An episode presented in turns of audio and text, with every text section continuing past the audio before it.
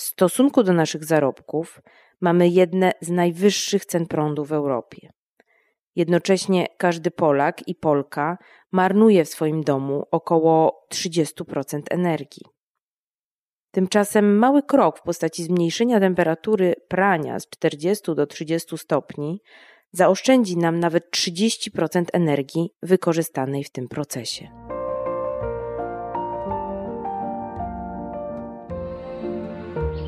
Tu Ania Pięta z podcastu Mutatox. Razem z marką Electrolux zapraszam Was na podcast Klimatyczne Rozmowy, czyli rozmowy o tym, jak przedłużyć datę ważności naszej planety.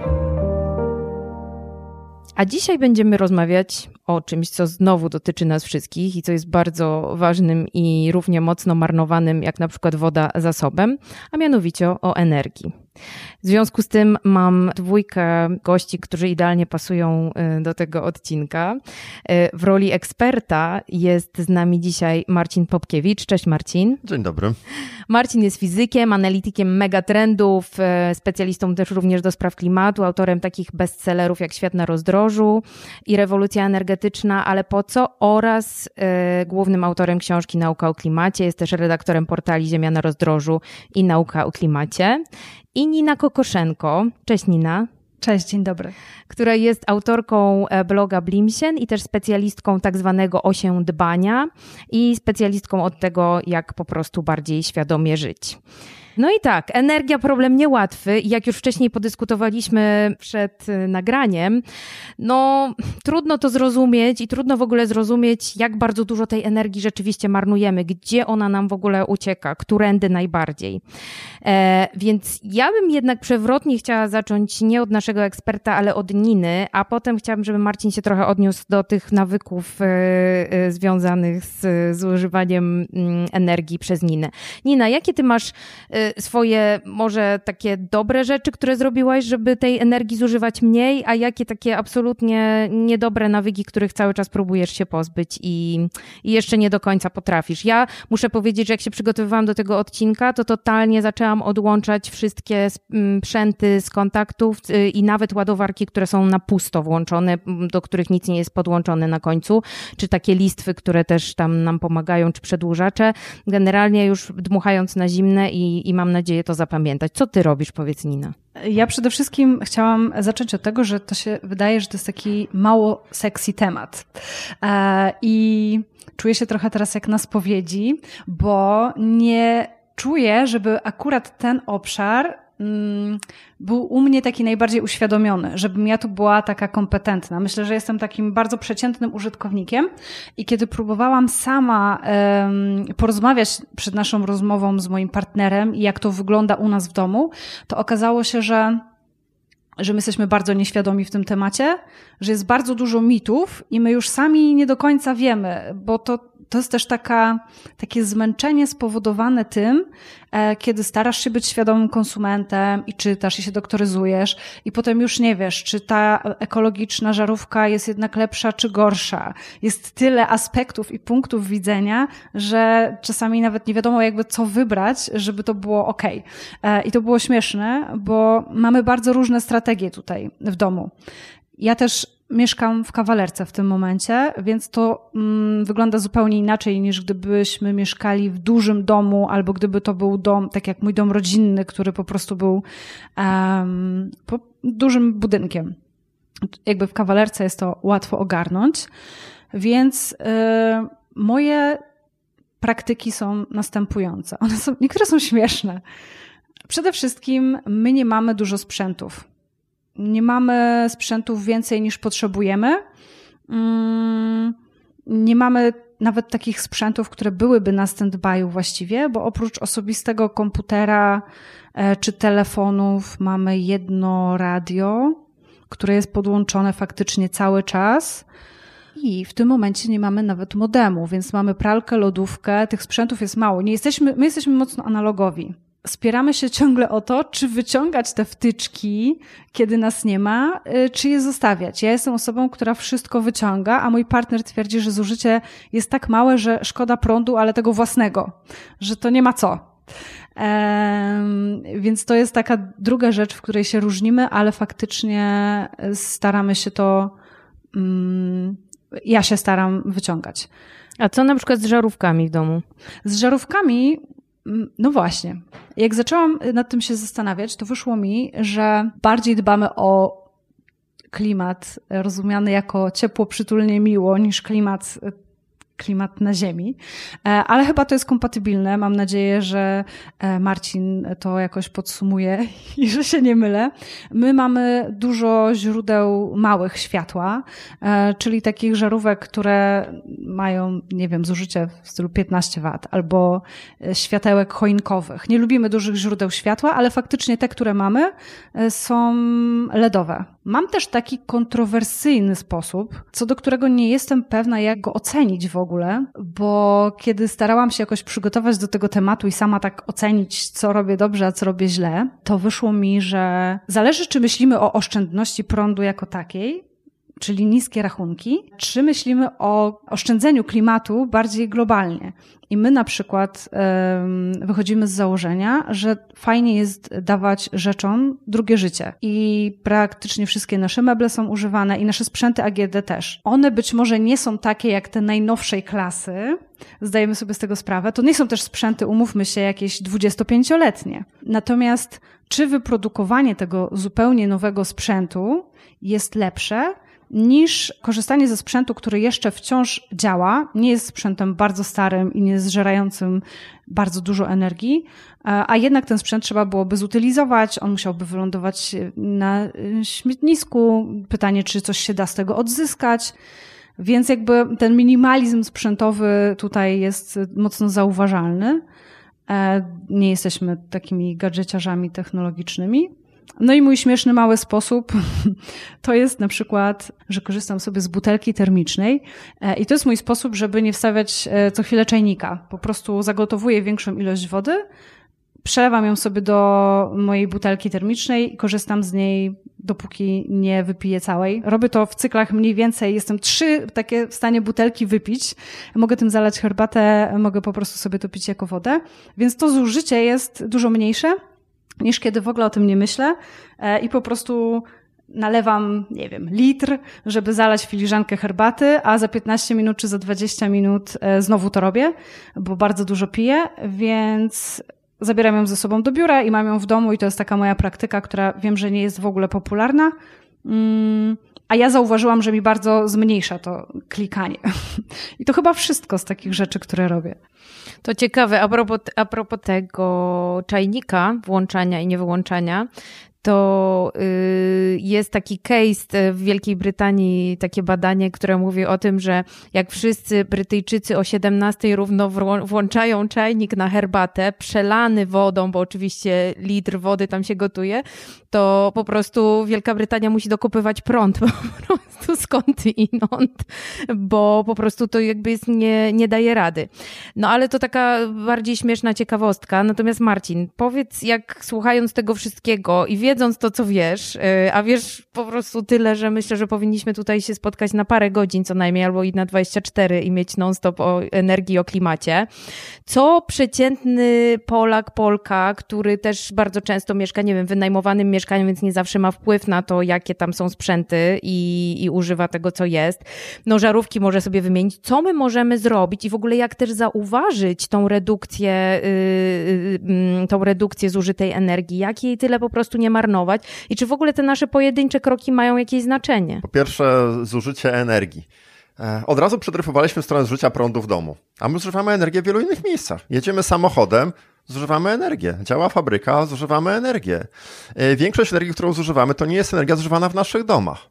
A w naszych domach na co większość energii zużywamy? Na ich ogrzewanie.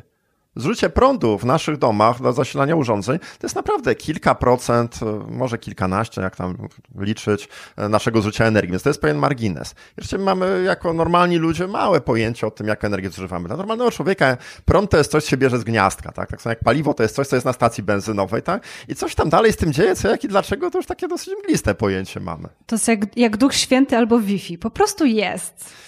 Prawda, tak. No, po prostu jest ten prąd i tam coś, ktoś dba, żeby on był i fajnie. E, generalnie, jak już fokusujemy się na tym zużyciu energii w domu, ale może jeszcze najpierw, warto wiedzieć na co ile zużywamy energii. Żeby nie skupiać się na optymalizacji czegoś, co jest takie, mikroskopijne, tam ma centymetr wysokości, a chcemy zmniejszać o połowę, jak obok mamy jakiegoś wampira energetycznego, który zużywa 100 razy więcej energii i go olewamy, tak? To można zapewnić wysoki good feeling factor, że robimy 100 różnych rzeczy, których sumaryczne znaczenie jest marginalne, a obok robimy dwie, trzy rzeczy, które tak naprawdę mają 100 razy większy wpływ na zużycie energii i środowisko. Warto więc kalibrować sobie to wszystko, tu, ponieważ e, dręczyło mnie to pytanie kiedyś, a ile energii zużywam na to czy tamto i jak to się ma zużycie energii przez typowego, nie wiem, Polaka, Amerykanina czy Hindusa, to zrobiłem tutaj kalkulator emisji dwutlenku węgla osobisty. Jest na stronie Ziemia na rozdrożu, po prawej stronie kafelek sobie można kliknąć, więc sprawdzamy, gdzie mieszkamy, jak się przemieszczamy, ile konsumujemy, jak się odżywiamy i nam wychodzi, tak, z na różne sektory życia, ile emitujemy, jak ktoś na emisji właśnie typowego Europejczyka czy Amerykanina. Polecam, bardzo pouczające doświadczenie. Można zrobić później drugą iterację, czyli po prostu zoptymalizować, co mogę zrobić, żeby było mniej i warto zabrać za to, co zużywa najwięcej energii. I granica i zużycie prądu w domu naprawdę nie jest na czele tej listy, aczkolwiek też ma znaczenie i najłatwiej jest coś z tym zrobić. Um, oczywiście też zadaję sobie pytanie, co i jak można zrobić i no i podchodzę do tego tak, no, wiedzologicznie, tak, jak to je głowy. Mam miernik zużycia prądu i jak też coś kupuję, to patrzę, ile to zużywa prądu, więc generalnie zużywam pewnie, nie wiem, nawet jedną trzecią tego prądu zużywamy u mnie w domu, co zużywają nie wiem, przeciętne e, gospodarstwo czteroosobowe w Polsce, e, nawet mieszkające w mieszkaniu, a nie w domu. No po prostu wiemy co i jak, jak mieć usługi energetyczne, żeby były efektywne energetycznie. Więc mamy energooszczędne urządzenia, co jest bardzo istotne. No, wytępiliśmy standby w dużym stopniu, umiemy używać rzeczy tak, żeby zużywały mało prądu, jak ten czajnik był poruszony, tak? E, więc jak chcę sobie zrobić herbatę, to nie leję półtora litra wody, tylko leję sobie wodę, kubek wody, tak? Mam jedną piątą wody, mi się pięciokrotnie szybciej zagrzeje, zużyję jedną piątą energii, mam tu samą usługę energetyczną, tak po co mam w kółko podgrzewać półtora litra, żeby mieć e, herbatę teraz i za trzy godziny. E, Żarówki. E, też żarówki starego typu żarowe to są wampiry energetyczne. One głównie energię emitują w podczerwieni, to są grzejniki generalnie. Tylko jakieś 4-5% ich pochłanianego przez nie prądu jest zmieniane w światło. To jest grzejnik, to prawie nie wydziela światła. Żarówka LEDowa ma no, dziesięciokrotnie większą sprawność blisko. Więc generalnie żarówka 15-watowa żarowa to jest takie bździdełko świecące, tak jak żarówka od lodówki prawie, że. 15-watowa żarówka LEDowa to jest bardzo jasna żarówka, którą można całe pomieszczenie oświecić. No jest jaśniejsza od e, setki żarowej. Więc absolutnie należy eksterminować wszystkie żarówki żarowe, podziękować im i absolutnie dzisiaj wziąć, e, no, się ich pozbyć. Mogą zostać na przykład w piwnicy, gdzieś gdzie chodzimy raz na miesiąc, na 5 minut i tam coś to światło pali, to wtedy ma to sens. Oczywiście jest pytanie o to, wspomniałeś, że dajesz drugie życie urządzeniom i to jest bardzo fajne, bo e, energia jest używana nie tylko na zasilanie urządzenia, ale też na jego produkcję. Jeszcze można przeliczyć, jak się ma jedno do drugiego i kiedy się opłaca wymienić urządzenie, żeby per saldo jakby bilans energetyczny był sensowny. I w przypadku żarówek żarowych wymiana na LEDowe to jest odpowiedź, od razu należy to zrobić, nie czekając ani dnia, ani godziny, aż się zepsują. W innych należy poczekać, aż się zepsują. W przypadku mebli to jest ewidentne, warto im dawać drugie życie, niech stoją jak najdłużej. W przypadku lodówki Mińsk na przykład, w ciągu mniej więcej, jakby zmieniła na lodówkę klasy tam A++, to generalnie w ciągu kilku miesięcy do roku, masz e, zwrot e, energii, czyli oszczędzasz więcej energii na mniejszym zużyciu prądu w tej lodówce A++, niż kosztowała cię energetycznie produkcja tej nowej lodówki. Więc Mińska należy też się dosyć szybko pozbyć, bo mm, lepsza lodówka zwróci się energetycznie w formie emisji lepszych w ciągu e, no, dosłownie kilku miesięcy, może roku. Kwestią są liczby, tak? Co się opłaca, co nie. Wspomniałaś kolejna rzecz. Ładowarki. E, ładowarka zużywa mikroskopijnej ilości prądu, poniżej 1 W. Generalnie faktycznie ja też się często nie bawię w wyciąganie ładowarki z gniazdka, bo jak ładowarka nie ładuje, to ona zużywa tak śmiesznej ilości prądu, że w ogóle faktycznie nie warto się tym przejmować. Aczkolwiek są rzeczy, które zużywają więcej prądu na standby'u, warto użyć miernika, watomierza, żeby sprawdzić, co ile zużywa prądu. I te rzeczy takie jak na przykład, nie wiem, telewizor, e, albo e, dekoder, albo Wi-Fi, one często zużywają bez sensu dużo prądu. Rzeczywiście czasem potrafią zużywać kilkanaście watów. Miałem na przykład taką wieżę um, muzyczną, która zużywała 20 parę watów na standby'u, świecąc jedną zieloną dla niepoznaki lampką. Straszna ilość prądu. I jak działa, zużywała 28. Nie działając 26, działając 28. Wziąłem i zmierzyłem, tak? Kompletnie bez sensu, więc warto kupić watomierz za 30 parę złotych i obmierzyć urządzenia. I te, które na standby'u są no, prądożerne, mieć na listwie z pstryczkiem i po prostu je wyłączać kiedy fizycznie od prądu, kiedy z nich nie korzystamy. Możesz powiedzieć jeszcze o tym mierniku prądu, bo ja o tym się dowiedziałam u Was z portalu Ziemia na rozdrożu, a propos tego, jak w ogóle taki miernik działa. W sensie włączamy sobie w jedną wtyczkę w domu i sprawdzamy tam zużycie poszczególnych sprzętów, czy całościowe zużycie prądu i możemy to porównać na przykład z, z naszymi rachunkami, bo to nie do końca rozumiem. Wiesz, e, ja jak robię audyt u kogoś, to robię tak krok po kroku. Generalnie robię pomieszczeniami, żeby się nie pomylić. No, na przykład wchodzimy do kuchni i tam inwentaryzujemy, co jest. Patrzymy, lodówka, zmywarka, źródło światła, mikser, jak wypisujemy, ile godzin działa dziennie czy tam tygodniowo, ile prądu zużywa i robimy po prostu podsumowanie. Później wchodzimy do pokoju i patrzymy telewizor, Wi-Fi, wieża, znowu jakieś żarówki, suszarka w szafie, odkurzacz. I tak po prostu robimy listę urządzeń elektrycznych, które mamy w domu, mnożymy ich zużycie prądu w watach przez czas w godzinach, które działają i wiemy na czym stoimy. A następnie urządzenie po urządzeniu patrzymy, ok, to co z tym urządzeniem można zrobić? Na przykład, jeżeli to jest wampir energetyczny lodówka Mińsk, wymienić. Jeżeli to jest żarówka żarowa, wymienić. I jeżeli to jest coś bardzo nieefektywnego energetycznie, no to oczywiście można policzyć też stopę zwrotu, tak? To jest dosyć prosty rachunek, czy nam się to zwróci, nie wiem, e, po roku, czy po, czy po 100 latach, tak? To granie nie ma sensu. Czy można zmienić praktyki, na przykład czas działania, e, że mamy na przykład ten czajnik elektryczny, w którym albo lejemy półtora litra wody zawsze, albo lejemy po prostu jedną czwartą litra na kubek herbaty, tak? Wtedy zużywamy od razu ułamek energii. E, jak używamy urządzenia?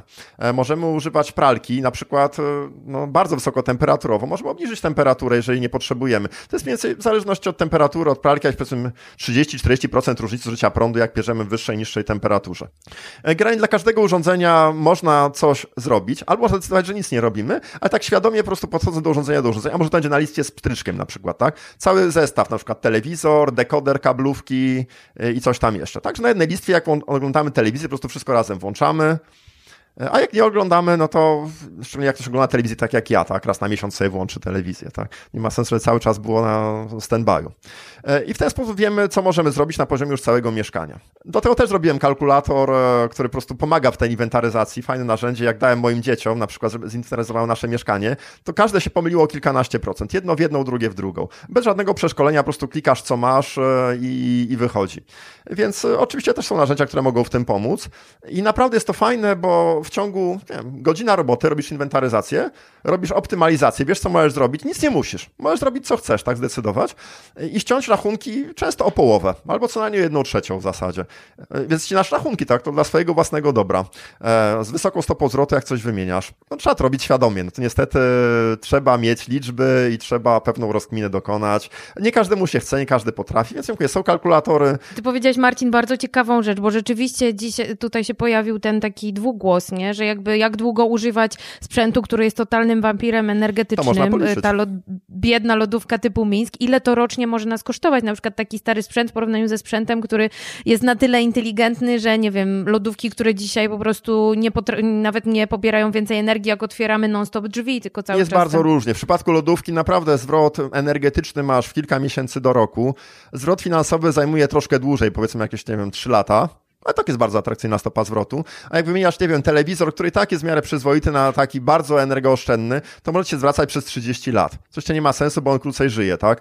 Więc to jest po prostu kwestia konkretnych liczb. Czyli trzeba wiedzieć, wiedzieć też, w których sprzętach to koniecznie robi. Tak jak mówisz o telewizorze, no też to już nie jest taka aż chyba popularna, jednak popularny sprzęt, y, przynajmniej wśród moich znajomych. Nie znam nikogo, kto ma telewizor, a moja mama nawet jak go ma, to też podobnie. Ogląda go tam raz na tydzień, więc, więc może tutaj nie trzeba się silić na tą wymiankę, ale już przy takich sprzętach, kurczę, rzeczywiście AGD używanych w rodzinach dwu, trzyosobowych, y, nie wiem, dwa razy w tygodniu, no to może to mieć ogromne znaczenie. Nie wiem, pewnie nawet do, do kilkuset złotych rocznie. Znaczy, było jasne, im, im rzadziej sprzęt jest używany, tym mniejsze ma znaczenie bo jak coś używany non-stop i cały czas pobiera prąd, no to to ma duży wpływ na twoje zużycie energii.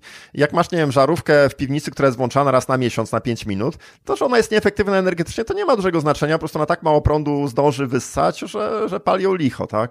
E, jak oglądasz telewizor raz w miesiącu i jest normalnie na, na listwie po prostu odpięty, żeby nie był cały czas na stand-by'u, to, to zdecydowanie warto zrobić. To znowu nie zużyje więcej dużo prądu. Ale jeżeli masz takiego, taką wieżę, tak, o której ja mówiłem, że 26 watów ci ciągnie po prostu na stand-by'u, a ty słuchasz wieży, wiesz, też raz na kwartał, no to granie to jest urządzenie, które no, zużywa ci prąd, zostaje na nic nie robienia. Na przykład jak masz skaner, tak, którego używasz, nie wiem, przez 5 minut dziennie, on cały czas na stand-by'u pobiera ci bardzo dużo energii Znowu są różne skanery. Niektóre potrafią używać tej energii prawie tyle, co podczas działania, a inne bardzo mało, więc dlatego ja lubię upomiarować swoje urządzenia po prostu. To jest bardzo proste. Wtyka się miernik w gniazdko, podłącza się urządzenie do miernika i miernik od razu pokazuje, ile to urządzenie zużywa prądu. Mało, dużo, ile podczas działania zużywa, ile kiedy jest na stand-by'u. Gra prosta robota na minutę 50. Nauka obsługi tego urządzenia zajmuje dwie minuty każdej osobie bez jakiegoś szczególnego przeszkolenia, więc warto w taki miernik zainwestować, to jak mówię, kosztuje 30 parę złotych na Allegro czy innym Ceneo. Przejdźmy jeszcze troszkę wyżej, bo znowu sprzęty sprzętami, nasze indywidualne zużycie i tak dalej, ale chciałabym wrócić do tego, co mówił Marcin.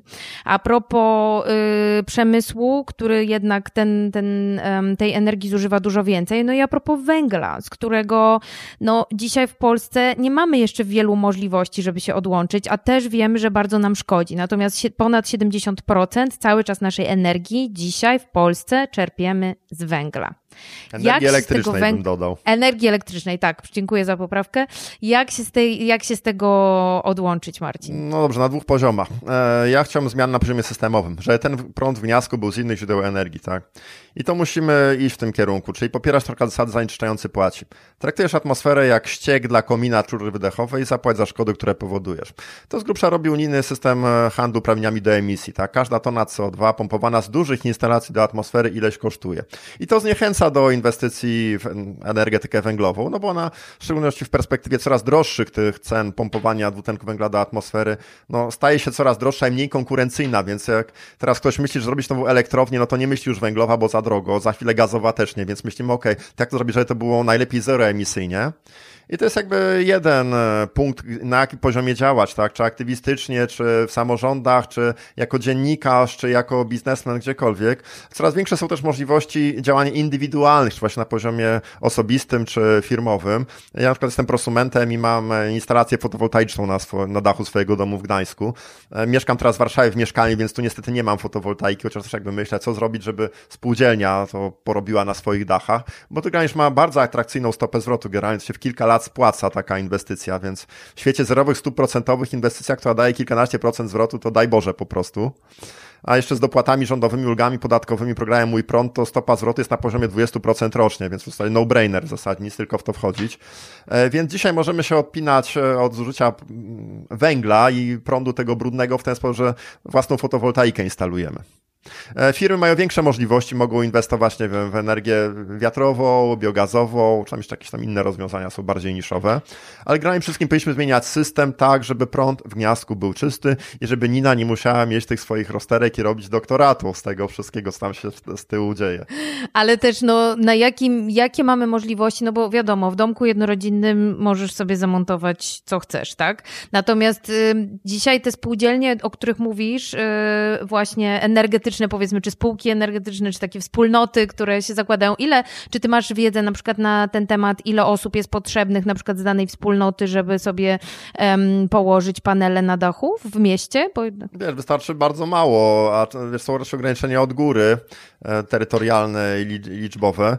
E, na razie w miastach to się nie dzieje, bo prawo generalnie jest bardzo, to powiedziałem, niesprzyjające.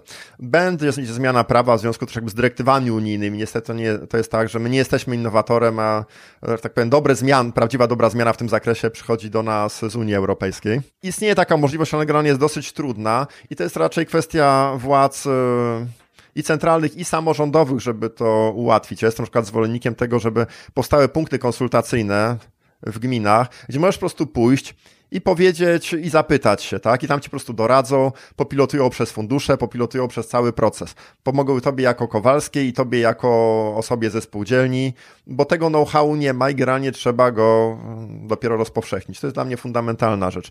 To, co my możemy wszystkim zrobić, to jest zużywanie mniejszej ilości prądu. Tak jak pokazałem granie, że ja używam wiem, jedną trzecią prądu tego w swoim gospodarstwie domowym, co statyczne polskie gospodarstwo. W zasadzie gdzie nie spojrzeć, możemy zużywać więcej jedną trzecią, jedną czwartą, jedną piątą energii. E, I nie tylko w zużyciu prądu, także w ogrzewaniu budynków. Także w transporcie na przykład. Są zupełnie inne rzędy wielkości na usługę transportową, jak ja się przemieszczam, nie wiem, e, do ciebie na piwo, Aniu, e, samochodem jak pojadę, a inaczej jak pojadę transportem miejskim albo rowerem, tak? Więc generalnie chociaż ta infrastruktura sprzyjała tym efektywnym energetycznie wyborom.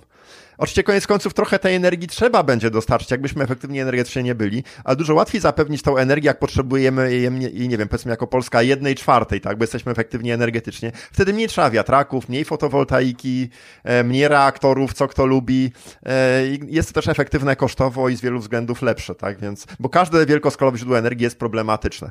Więc przede wszystkim stałym na efektywność energetyczną, także w gospodarstwie domowym i to właśnie na tych dwóch płaszczyznach. Po pierwsze, jako mniejszość energii przez sprzęty, po drugie, to co Nina podkreśla, generalnie zużywajmy energię na to i miejmy te sprzęty i kupujmy na to, co potrzebujemy, a nie kompulsywnie e, kupujemy co chwila coś nowego i otaczamy się gadżetami, a nie daj Boże, jeszcze jak mówi Nina, mamy przeprowadzkę wtedy, tak? To już w ogóle przegwizdane. Ale tu jest też takie ciekawe wyzwanie właśnie, jestem ciekawa, jak to wygląda w twojej rodzinie. Mówisz, że masz e, czteroosobową, tak? Rodzinę Marcin? Tak. Mm, bo jeszcze u nas są dwie osoby, więc jesteśmy w stanie to jeszcze. jakoś Jakoś to kot na pewno nie zużywa zbyt dużo prądu. Chyba, że ma samokarmiącą zużywa miskę. dużo energii w mięsie. Kot jest wysokoenergetyczny.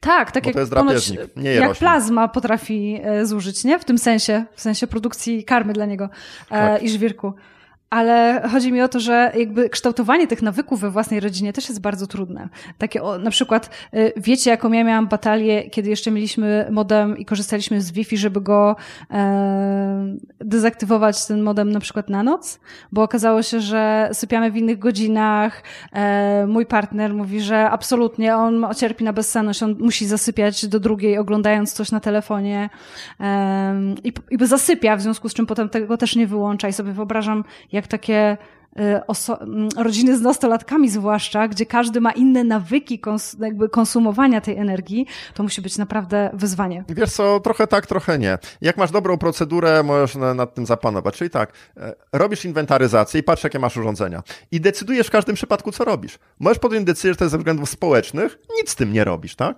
A wymieniasz tam bardzo energooszczędne. Albo na przykład instalujesz automatyczny włącznik, który automatycznie o trzeciej wyłącza to Wi-Fi, tak? I włącza o siódmej rano. Ale w tym momencie wyłączasz na 4 godziny, 20 godzin działa, trochę to też nie ma sensu, tak oszczędzasz kilkanaście procent energii. E, więc e, należy każdemu urządzeniu przyjrzeć się osobno, też biorąc pod uwagę kwestie społeczne i zdecydować, wiesz, nie ma przymusu. Jak próbujemy działać przez przymus, to to słabo działa, lepiej działać przez e, no, wzajemną akceptację tego podejścia. Ale pomysł z, listwa, z tymi listwami, żeby wszystkie z danej grupy mm, urządzenia dołączyć do jednej listwy i potem jednym stryknięciem e, ją wyłączyć, bardzo mi się podoba. Wydaje mi się, że to jest łatwe dla wprowadzenia dla każdego domownika i faktycznie załatwia sprawę. Listwa, miernik prądu, e, generalnie nieużywanie tego, czego po prostu nie potrzebujemy. Używamy Dużo krótko tego... i efektywne energetycznie urządzenia. Dokładnie tak, Marcin tutaj mi pomógł. Wymieniamy żarówki na LEDowe absolutnie i już nie dyskutujemy z tym, że w ogóle żarowe do czegokolwiek mogą się przydać, czyli to do twojego partnera, Nina. Yy, to tak w dużym skrócie. Wracając do tych naszych yy, po prostu wspaniałych, kochanych sprzętów i tutaj yy, myślę, że to cały czas będzie jednak rozgrzewało naszą energię i nasze umysły i ale jest taki jeden mit, który rzeczywiście pokutuje, że te ekotryby czasami przez to, że dłużej trwają, mm, są bardziej energochłonne i to jest Nieprawda, w sensie to jest mit, że one dłużej trwają, ale pobierają e, ostatecznie mniej energii i warto rzeczywiście ich używać.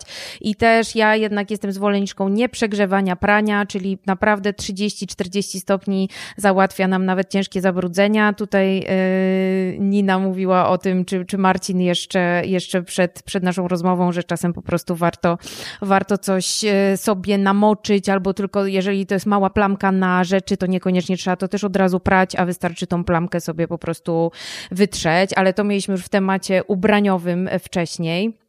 Ale w takim razie, Marcin, my mieliśmy też tutaj dyskusję a propos tego, ile w ogóle Polacy i Polki przeciętnie w domu tej energii marnują, bo ja bym bardzo chciała znowu z tej, e, żebyśmy, żeby po tych naszych klimatycznych rozmowach ludziom zostało w głowie coś takiego, że prąd, tak jak woda, czy tak jak powiedziała Nina, Wi-Fi, to nie jest coś, co się po prostu zawsze bierze, y, bo tak, bo do tego Wi-Fi też nam prąd jest potrzebny. To nie jest jakiś coś magicznego, co po prostu zawsze będzie.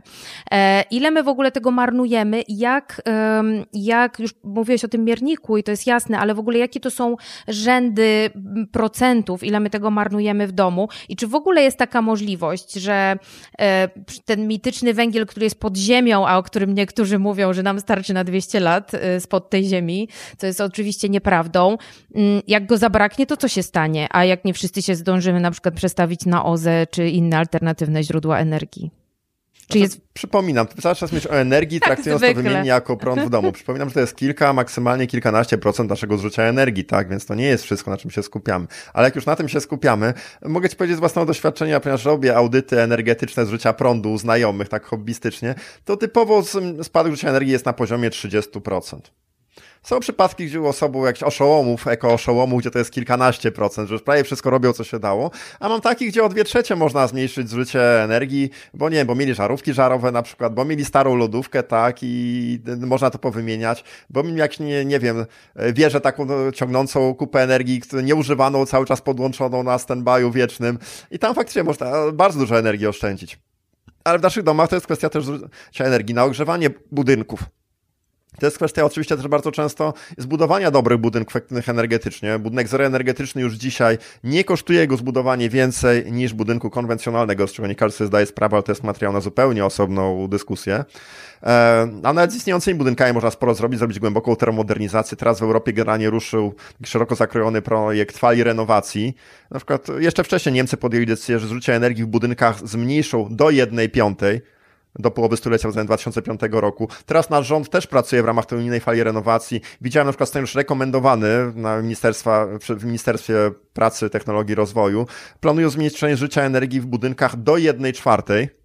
Więc też dosyć, e, nie o jedną czwartą, do jednej czwartej, więc generalnie to się dzieje i można bardzo wiele zrobić, podnosząc jeszcze jakość życia, tak? Bo dużo fajniej żyje się w domu ogrzewanym pompą ciepła z automatyką, wentylacją mechaniczną, z odfiltrowaniem zanieczyszczeń, kontrolą stężenia CO2 niż w domu ogrzewanym kopciuchem.